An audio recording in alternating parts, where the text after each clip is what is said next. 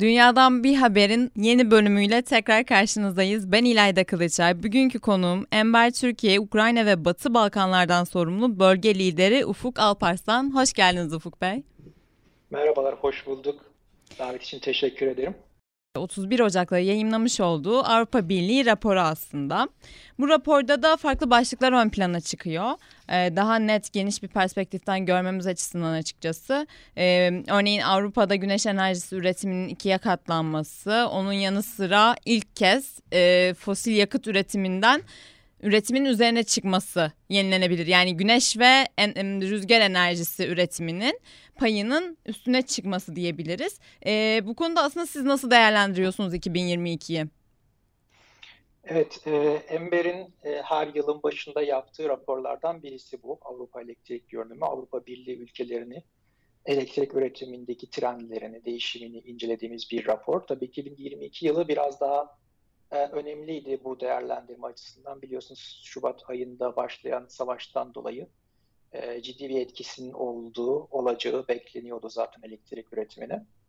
E, baktığımızda ana sonuçlardan birisi de sizin bahsettiğiniz gibi e, Avrupa Birliği ülkelerinde rüzgar ve güneşten elektrik üretiminin fosil yakıt olan doğal gazdan e, daha fazla olduğunu gördüğümüz oldu. E, 2022 yılında rüzgar ve güneş doğal gazı da geçti. Bundan önce 2019 yılında kömürde geçmişti zaten ve bu durum hala geçerliliğini koruyor.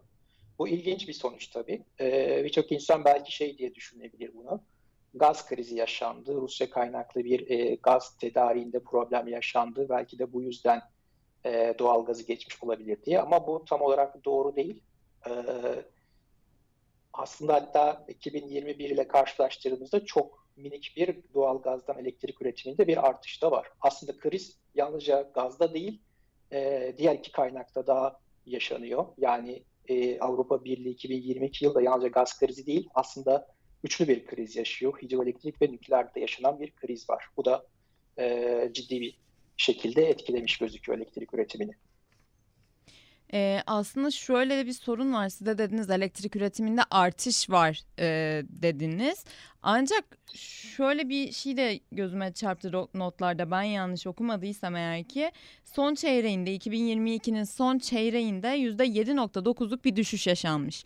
Öncelikle bu düşüşün nedenini ve önümüzdeki süreçte de raporda 2023 yılında da bu düşüşün devam edeceği hatta bunun temel konulardan birisi olacağından bahsedilmiş. Bu noktada bunun nedenlerini sormak isterim. Tabii ki kesinlikle doğru söylüyorsunuz. Özellikle yılın ikinci yarısında e, Avrupa Birliği'ndeki e, elektrik tüketimindeki talepteki düşüş kaynaklı ciddi bir e, hem gazdan hem de kömürden elektrik üretiminde düşüş görüyoruz. Son 4 ay özellikle e, hiçbir istisna yok bunda. Tüm 27 Avrupa Birliği ülkesinde de elektrik talebinin düştüğünü görüyoruz. Bunda ne etkili olabilir? Özellikle son çeyrekte e, kışın biraz daha böyle ılıman geçmesi. Çünkü e, soğuk havalar orada ısınma kaynaklı elektrik tüketimi de yoğun olduğu için e, kışın sert ya da yumuşak geçmesi elektrik tüketiminde etki ediyor.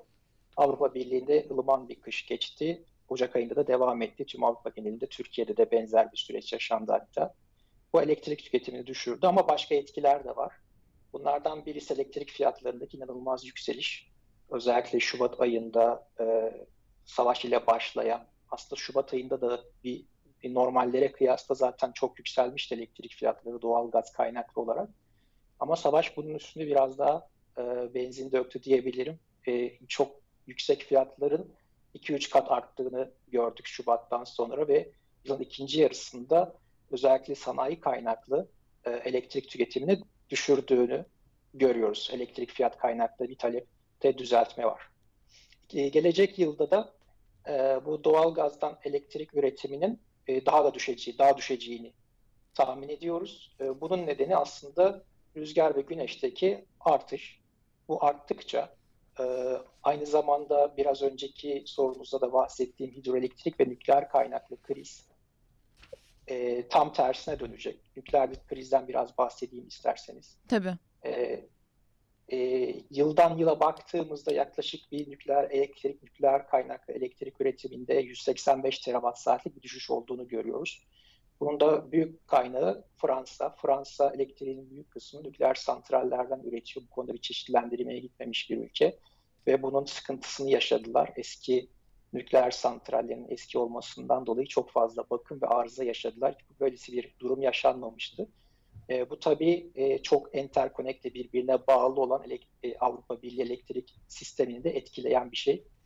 E, örneğin Fransa normalde net ihracatçı bir ülkedir. E, bu yıl ilk kez net ithalatçı konumuna e, geriledi elektrik konusunda.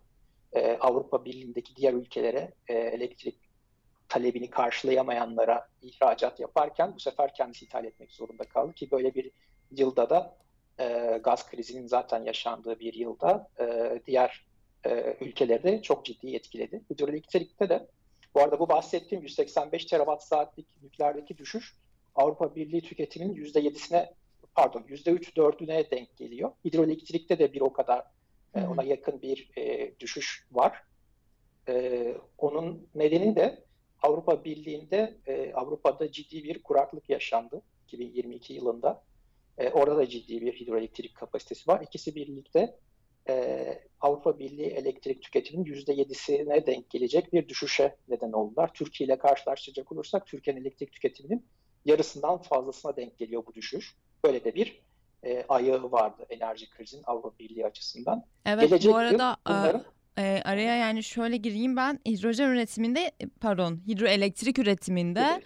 yıllık %19'luk bir düşüş olmuş aslında 2022'de ve e, bu düşüşten sonrasında da yani 2022 Ekim yılında da Ekim ayında daha doğrusu 2022'nin 2020 seviyelerini tekrar yakalamış ama onun öncesinde yıllık bazda e, uzunca bir süre %19'luk bir düşüş e, olmuş.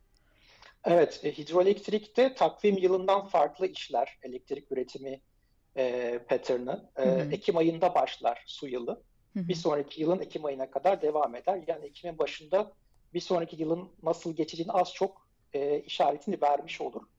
E, bu yılda artık normale döndüğünü görüyoruz. Hidroelektrik üretiminin zaten çok ciddi bir kuraklıktı. 2000 yılından itibaren takip ediyoruz mesela biz bu verileri. Kendi veri setimize baktığımızda 2000 yılından itibaren böyle bir kuraklık, hidroelektrikte böyle bir düşüş yaşanmamış. E, gelecek yıl bunun tam tersine döneceğini düşünüyoruz. Burada hidroelektrikte 66 terawatt saatlik bir düşüş vardı yıldan yıla.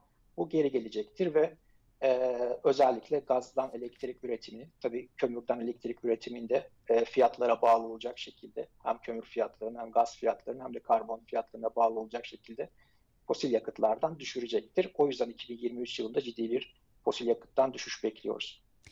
Bir de şimdi elektrik talebinin de 2023'te düşmesi öngörülüyor. Ee, diğer taraftan da ısı pompası satışları Polonya'da, İtalya'da, Avusturya ve Hollanda'da rekor kırmış. Bunun da aynı zamanda elektrik talebini de artıracağı öngörülüyor. Ee, yani şimdi buradan baktığımız zaman nasıl bir tablo bizi karşılayacak gelecek döneme ilişkin olarak?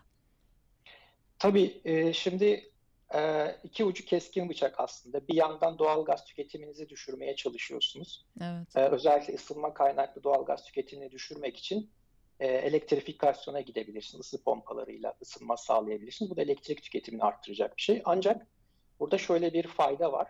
E, doğal gazla ısınmayla ısı pompaları ile ısınma arasındaki enerji tüketimi arasında ciddi bir fark var. Isı pompaları çok daha verimli. Hmm. Çok daha az nihai enerji tüketimine sahip. Nihai enerji tüketimine çok daha az etki ediyorlar. Verimliliği çok daha yüksek.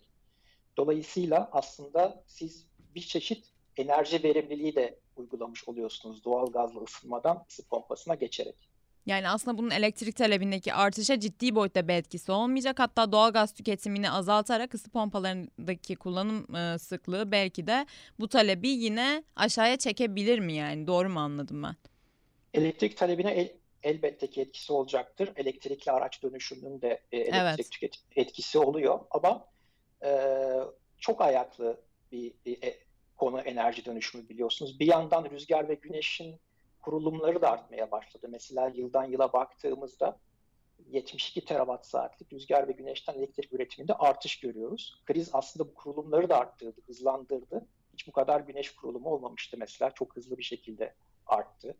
Ee, gelecek yılda bu devam edecektir. Ee, bir yandan böyle rüzgar ve güneş kurulumları devam ederken bir yandan da nükleerin geri dönecek olması. Çünkü bu bahsettiğim Fransa'daki santrallerin, nükleer santrallerin arızaları geçmeye başladı. Geri dönmeye başladılar bu yılın başı itibariyle. Oradan da çok ciddi bir nükleer elektrik üretimi gelecektir. Hidroelektrikteki e, kuraklık da etkisini yitirince oradan da ciddi bir elektrik üretimi gelecektir ve e, normalleştirecektir. Yani ısı pompalarının yaratacağı elektrik tüketimi talebi karşısında bunlar çok daha yüksek bir arz sağlayacaktır. Ee, sizin de aslında vurgu yaptığınız gibi yani 20 Avrupa e, ülkesinin hepsi neredeyse. Sadece sanırım Avusturya var bir e, geçen yılı aynı kalan. Onun dışında hepsi geçen yılın rekorunu oldukça güneş enerjisinde en azından oldukça far, şey yükseltmiş, artırmış güneş enerjisi kulun, e, üretimini. Onu anlıyoruz rapordan ekstra olarak. Benim e, yani Doğru değil mi bu arada? Ben mi yanlış görüyorum? Onu teyit edeyim sizden de. Doğru. Güneş güneş enerjisinde rekorlar kırıldı her ülkede hemen hemen. E, bu tabii bunun nedenlerinden birisi ya enerji krizinin yan faydalarından birisi oldu aslında. Çünkü artık yenilenebilir enerji, rüzgar ve güneş e, en ekonomik elektrik üretim kaynağı.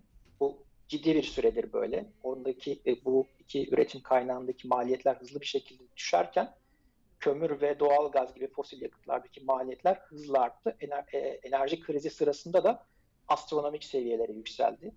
Ve zaten e, ucuz olan elektrik üretim kaynağı güneş ya da rüzgar e, daha da ekonomik hale geldi. Daha mantıklı, rasyonel hale geldi ve çok hızlandırdığını düşünüyoruz elektrik fiyatlarının e, enerji dönüşümünü, elektrik dönüşümünü. Ben yani Avrupa ile alakalı son sorum aslında şu olacak. Şimdi biz bu kışın rahat geçtiğini düşünüyoruz. Burada e, pek çok kişinin de yorumlarını alıyoruz kanal olarak da. Ancak gelecek yıl için asıl krizin başlayacağı söz konusu e, konuşulan şey o. Aslında siz de burada söylediniz yani krizi belki çok derin yaşamadı ama bir kriz yaşadı dediğiniz gibi fiyatlar arttı. Yenilenebilir enerji yatırımları belki ağırlık kazandı. E, o yüzden gelecek yıl Avrupa'da görünümün nasıl olmasını beklersiniz? Tabii aslında bu yıl bu kışın da çok zor geçmesi bekleniyordu ama evet. e, ener, enerjide bir sonraki ayı tahmin etmek bile çok zor çünkü çok fazla değişken rol alıyor. E, bu kışın bu kadar ılıman geçmesini kimse beklemezdi. E, bu nedenle tahminlerde yanıldı herkes. Şimdi bir sonraki kışın da ne olacağını bugünden kestirmek zor ama e, çok sert bir kış olursa e, yeniden zor bir kış yaşanabilir. Fiyatların tekrar artacağı bir kış yaşanabilir. Ama tam tersi de olabilir bu arada. Savaş biter. E, kriz biraz daha yumuşamış olur ve fiyatlara da yansımış olur. Şu anda zaten e, doğal Avrupa'daki doğal gaz fiyatlarına bakacak olursanız bir hayli gevşemiş durumda. E, bir önceki rekor fiyatı olan 2008'de yaşanan bir rekor fiyat vardı gaz fiyatlarında. Oralara kadar e, düşmüştü. E, 6-7 kat arttığı zirveden gerilemişti zaten. E, savaşın bitmesi de bu arada rasyonel bir şey. Yani olmayacak bir şey değil. İki, iki taraf açısında rasyonel bir şey. E, Rusya'nın bu savaşı ne kadar sürdürebileceği de muamma.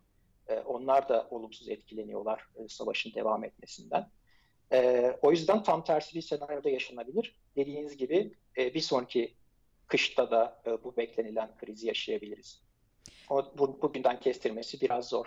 Evet yani kesinlikle bu yıl çünkü sert bir kış bekleniyordu. İklim değişikliği nedeniyle ve buna uyum sürecini aslında ülkeler e, her ülke için konuşmayalım ama çoğu ülkede bununla birazcık geri kaldığını da gördük. Peki örneğin bu yıl yapılan çalışmalar ve yapılacak olan çalışmalar çünkü aslında her yıl bir krize karşı karşıya kalabilir ülkeler. Yani bir savaş yaşıyoruz hala. E, onun yanı sıra enerji krizi onun neden olduğu. Öte yandan öncesinde de bir pandemi süreci e, dünyada yaşandı. Şimdi buna bakıldığı zaman ülkeler bu süreçler içerisinde sizce gelecek krizlere tam anlamıyla olmasa da yani e, hazırlıklarında gerçekten bir potansiyel görüyor musunuz? Daha rahat atlatabilecekler mi bu krizleri? Evet enerji krizinin aslında bize e, gösterdiği gerçeklerden birisi de şu oldu. E, enerji dönüşümü yeşil enerji, temiz enerjinin enerji bağımsızlığında ne kadar önemli bir rol oynadığını görmüş olduk. Bunu hepimiz söylemeye çalışıyorduk bu alanda çalışan ama e, bazen bir kriz yaşanması gerekiyor bu dönüşümün hızlanması ya da insanların bu konuda ikna olabilmesi için. Özellikle Şubat ayından sonra zaten hangi Avrupa Birliği'nde hem de Amerika Birleşik Devletleri'nde enerji bağımsızlığını arttıracak, yeşil dönüşümü hızlandıracak, enerji dönüşümünü hızlandıracak paketler açıklandı. Ve biraz önce de bahsettiğim gibi elektrik fiyatının kendisi bazen bu dönüşüm hızlandırdı. İnsanlar elektriklerini kendi üretmeye başlar çünkü daha ucuza geleceği için güneş paneli kurarak vesaire çatıların üstüne. Ee, ben bunun bu şekilde devam edeceğini düşünüyorum. Enerji dönüşümünün hızlı bir şekilde artık e, önünün alınamayacağı şekilde dönüşümün hızlanacağını düşünüyorum. Ee, ve geçmişteki hataların tekrar edilmemesini umuyorum. Özellikle tek bir ülkede, tek bir ülkeye fosil yakıtta bağımlı olunmaması gerektiğini e, görmüş olduk. Hatta yeni bir döneme giriyor da olabiliriz. Yani ticaretin barış getirdiği dönem de bitiyor olabilir bu arada. Böyle yorumlarda söz konusu. Evet. Çok fazla bağımlılık, e, özellikle fosil yakıtlardaki bağımlılık e, bu ülkelerin bunu kötüye kullanabileceğini gösterdi bize ve bu nedenle e, bence aynı hatalar tekrar etmeyecek ve enerji dönüşüm hızlanacak diye tahmin ediyorum. Şimdi Türkiye'ye dönmek istiyorum. Türkiye'de de e, güneş enerjisinde özellikle güneş ve rüzgar enerjisinde e, artışlar tabii ki de meydana geliyor. E, bu dönüşümle beraber yani Avrupa bunu yaşıyor. Türkiye de bunu e, sağlamaya çalışıyor ve tüm ülkelerde buna ayak uydurmaya çalışıyor açıkçası. Şimdi Türkiye'deki e, Ember'in görüşü nedir? 2022 nasıl bir sene oldu? Beklentilerinizin ötesinde miydi yoksa gerisinde mi kaldı? E, öncelikle bir onu sorayım. E, Türkiye'deki elektrik üretimini de inceledik. E, hatta Şubat ayının ortasında bir tane analizimiz yayınlanacak Türkiye Elektrik Görünümü diye. E, elektrik üretimi açısından değerlendirecek olursam 2022 yılında e, kayda değer miktarda bir kömürden elektrik üretiminde artış yaşanmış. E, ancak son 5 yıla baktığımızda e, 2018 yılında özellikle o seviyeye tekrar geri dönmüş diyebiliriz. Bir 2020 ve 2021'de bir miktar düşmüştü kömürden elektrik üretimimiz. 2020 yılındaki e, ilk yarısında e, 6 tane lignit santrali kapatılmıştı bir süreliğine. Onun etkisi olmuştu. 2021 yılının ikinci yarısında da özellikle kömür maliyetlerinin çok artmasıyla ithal kömür santralinin üretimi çok düşmüştü. Şimdi 2022 yılında bir rebound etkisi görüyoruz. Bunların ikisi de geri döndüğü için e, 2018 seviyelerine tekrar yükseldiğini görüyoruz. E, rüzgar ve güneşten elektrik üretimi açısından baktığımızda ise bir istikrarlı bir artış söz konusu. Rüzgar ve güneşten elektrik üretimi yaklaşık %16 seviyelerine gelmiş. Ama bunun büyük kısmı aslında rüzgar kaynaklı. Ee, rüzgarın elektrik üretimindeki payı %11'e yakın. Ee, %4.7'si yalnızca güneşten geliyor. Ee, ikisinde de bir miktar artış söz konusu yıldan yıla. Ama özellikle güneşte e, biraz geride kaldığımızı söyleyebilirim başka ülkelerle de karşılaştırıyoruz. Avrupa'daki diğer ülkeleri gerek Avrupa Birliği gerek Avrupa Birliği'ne üye olmayan ülkelerle karşılaştırdığımızda. Ne kadarlık bir fark var yani onların gelişimiyle bizim gelişimimiz açısından? Şimdi e, adil olmak açısından Türkiye ile benzer ya da mesela potansiyel de önemli. Güneş potansiyeline baktığımızda aslında Avrupa'daki en yüksek güneş potansiyeline sahip ülkelerden birisiyiz. Çünkü Kuzey Yarımküre'de güneye ne kadar giderseniz güneş potansiyeli artıyor. Ee, güneş potansiyeli çok düşük olan bazı ülkelerle karşılaştırdığımızda çok gelişmiş ülkelere, çok sanayileşmiş ülkelerle bile karşılaştırmadan Polonya ve Ukrayna gibi ülkelerle yarıştığımızı görüyoruz. Örneğin bizim güneşten elektrik üretimimiz %4,7 seviyesinde. Polonya'nın %4,5 ki çok daha kuzeyde. Bizde mesela Karadeniz bölgesinin güneş potansiyeli düşük denilir. E, halbuki Polonya'nın potansiyeli Karadeniz bölgesinden bile çok daha düşük. Ona rağmen %4.5'e e, ulaşmış durumdalar. Ukrayna'da 2022 yılı verisi yok elimizde savaştan dolayı yayınlamayı durdular ama 2021 yılına baktığımızda güneşten elektrik üretiminin %4 e, seviyesinde olduğunu görüyoruz. Bu yıl daha da artacak. Hatta Polonya en fazla güneş enerjisi kullanan üçüncü ülke sanırsam. Almanya, İspanya var ve Polonya geliyor onun ardından. Eğer ee, ki... Ona tekrar bir bakmam lazım. Ee, şey özellikle e, Hollanda var çok yüksek %14 e, elektrik üretimindeki payı. Evet. Ee, onun dışında Almanya'nın %10 güneşten elektrik üretimi payı. İspanya'nın %11,5-12'ye yakın e, güneşin elektrik üretimindeki payı. E, İtalya %10 seviyelerinde. Yunanistan %13 seviyelerinde. Yani güney ülkelerinde aslında zaten olması gerektiği gibi e, elektrik üretimindeki payı güneşin yüksek. Burada istisna bir Almanya ve Hollanda var diyebiliriz. Tabii e, Türkiye ile yarışan o seviyelerdeki %4-5 seviyesindeki ülkelere baktığımızda da Polonya ve Ukrayna e, öne çıkıyor ki bu aslında potansiyelimizi, güneş potansiyelimizi e, gerçekleştiremediğimizi gösteriyor. Ama rüzgarda bir nebze daha iyiyiz. O konuda da hani pozitif yanını da atlamayalım. E, rüzgarda %11'e ulaşmamız da bence e, iyi bir seviye. Yani yeterli değil belki net sıfır hedefimiz için ama Avrupa'daki bazı ülkelerle kıyasladığımızda örneğin İtalya ve Fransa'dan daha önde olduğumuzu görüyoruz. Bunlar aynı zamanda G20 ülkeleri. Ee, rüzgar açısından potansiyelimizi düşündüğümüzde güneşe kıyasla daha düşük diyebiliriz. Çünkü belli bir bölgede yoğunlaşmış durumda. Ege bölgesinde yoğunlaşmış durumda. Güneş ise tam tersi hemen hemen tüm ülkede homojen bir şekilde yayılmış. Çok daha geniş alanlarda geniş potansiyel, yüksek potansiyel olan bir elektrik üretimi kaynağı. Onu da söyleyebilirim. Yeşil hidrojen aslında tüm ülkelerin hedeflediği de bir elektrik yine üretim, enerji üretim e, yöntemi. Ancak kuraklıktan da bahsettik. Şimdi bu anlamda çalışmalar nasıl şekillenecek ve bu hedefler tutulabilecek mi sizce yeşil hidrojen konusunda? Özellikle Türkiye'nin de hedefleri var çünkü. Gelecek döneme ilişkilerinizi, e, beklentilerinizi almak isterim. Tabii e, hidroelektrik ile hidrojeni birbirinden ayırmamız lazım. Hidroelektrik e, kuraklıktan etkilenen bir e, elektrik üretim kaynağı. E, Avrupa geçtiğimiz yıl bundan ciddi bir şekilde etkilendi. Bu yıl biz de etkileniyoruz. Bu yılda bizde ciddi bir kuraklık yaşanıyor. E, hidrojen ise bir çeşit depolama kaynağı aslında. Elektrik üretim kaynağı diyemeyiz. Yani rüzgara, güneşe, hidroelektriğe alternatif değil, onları tamamlayıcı bir teknoloji. Yeşil hidrojen dediğimizde Türkiye'nin yeşil hidrojen potansiyeli çok yüksek deniliyor ama aslında burada kastedilen yenilenebilir enerji potansiyelimiz çok yüksek. Çünkü yenilenebilir enerjiniz özellikle rüzgar ve güneşteki kapasiteniz, üretiminiz belli bir seviyeye ulaşmazsa yeşil hidrojen üretemezsiniz. Yeşil hidrojen nasıl üretilir? Ee, elektrik tüketiminizi aşacak kadar rüzgar vardır. Gece saatlerinde mesela çok rüzgar eser. Elektrik tüketimini aşacak kadar. O seviyede yani kapasiteleri sahipsinizdir. Ya da yazın öğle saatlerinde çok yüksek e, güneş kapasiteniz vardır ve talebi aşacak kadar e, elektrik üretiminiz olur. O arta kalan üretimleri topraklamak yerine ya da durdurmak yerine üretimlerini hidrojen üretirsiniz. Bu da yeşil hidrojen olur. Ziyan etmek yerine bunu onu depolamış olursunuz bu sayede. Sonra o hidrojeni başka alanlarda, sanayide vesaire kullanabilirsiniz. Budur yeşil hidrojenin amacı. Yani yeşil hidrojeni konuşmadan önce Türkiye'nin rüzgar ve güneşte belli kapasitelere ulaşması gerekiyor ki şu anda o kapasitelerden çok uzağız. Hı hı. Dolayısıyla e, ve şu anda zaten e, pahalı da bir teknoloji olduğu için bugünün değil de 2030 sonrasının e, teknolojisi olduğunda söylememiz gerekiyor. Tabii ki konuşulmalı ve tabii ki enerji dönüşümünde önemli bir rol oynayacak ama bence Türkiye özelinde konuştuğumuzda öncelikle rüzgar ve güneşte kapasitemizi nasıl arttırabiliriz? onu konuşmamız daha doğru olacaktır. Çünkü o kapasitelere erişemedikçe yeşil hidrojen de üretemiyor olacağız. Hepsi aslında birbiriyle bağlantılı dediğiniz gibi. Bu noktada evet. peki devlet teşviklerini nasıl görüyorsunuz yurt içinde?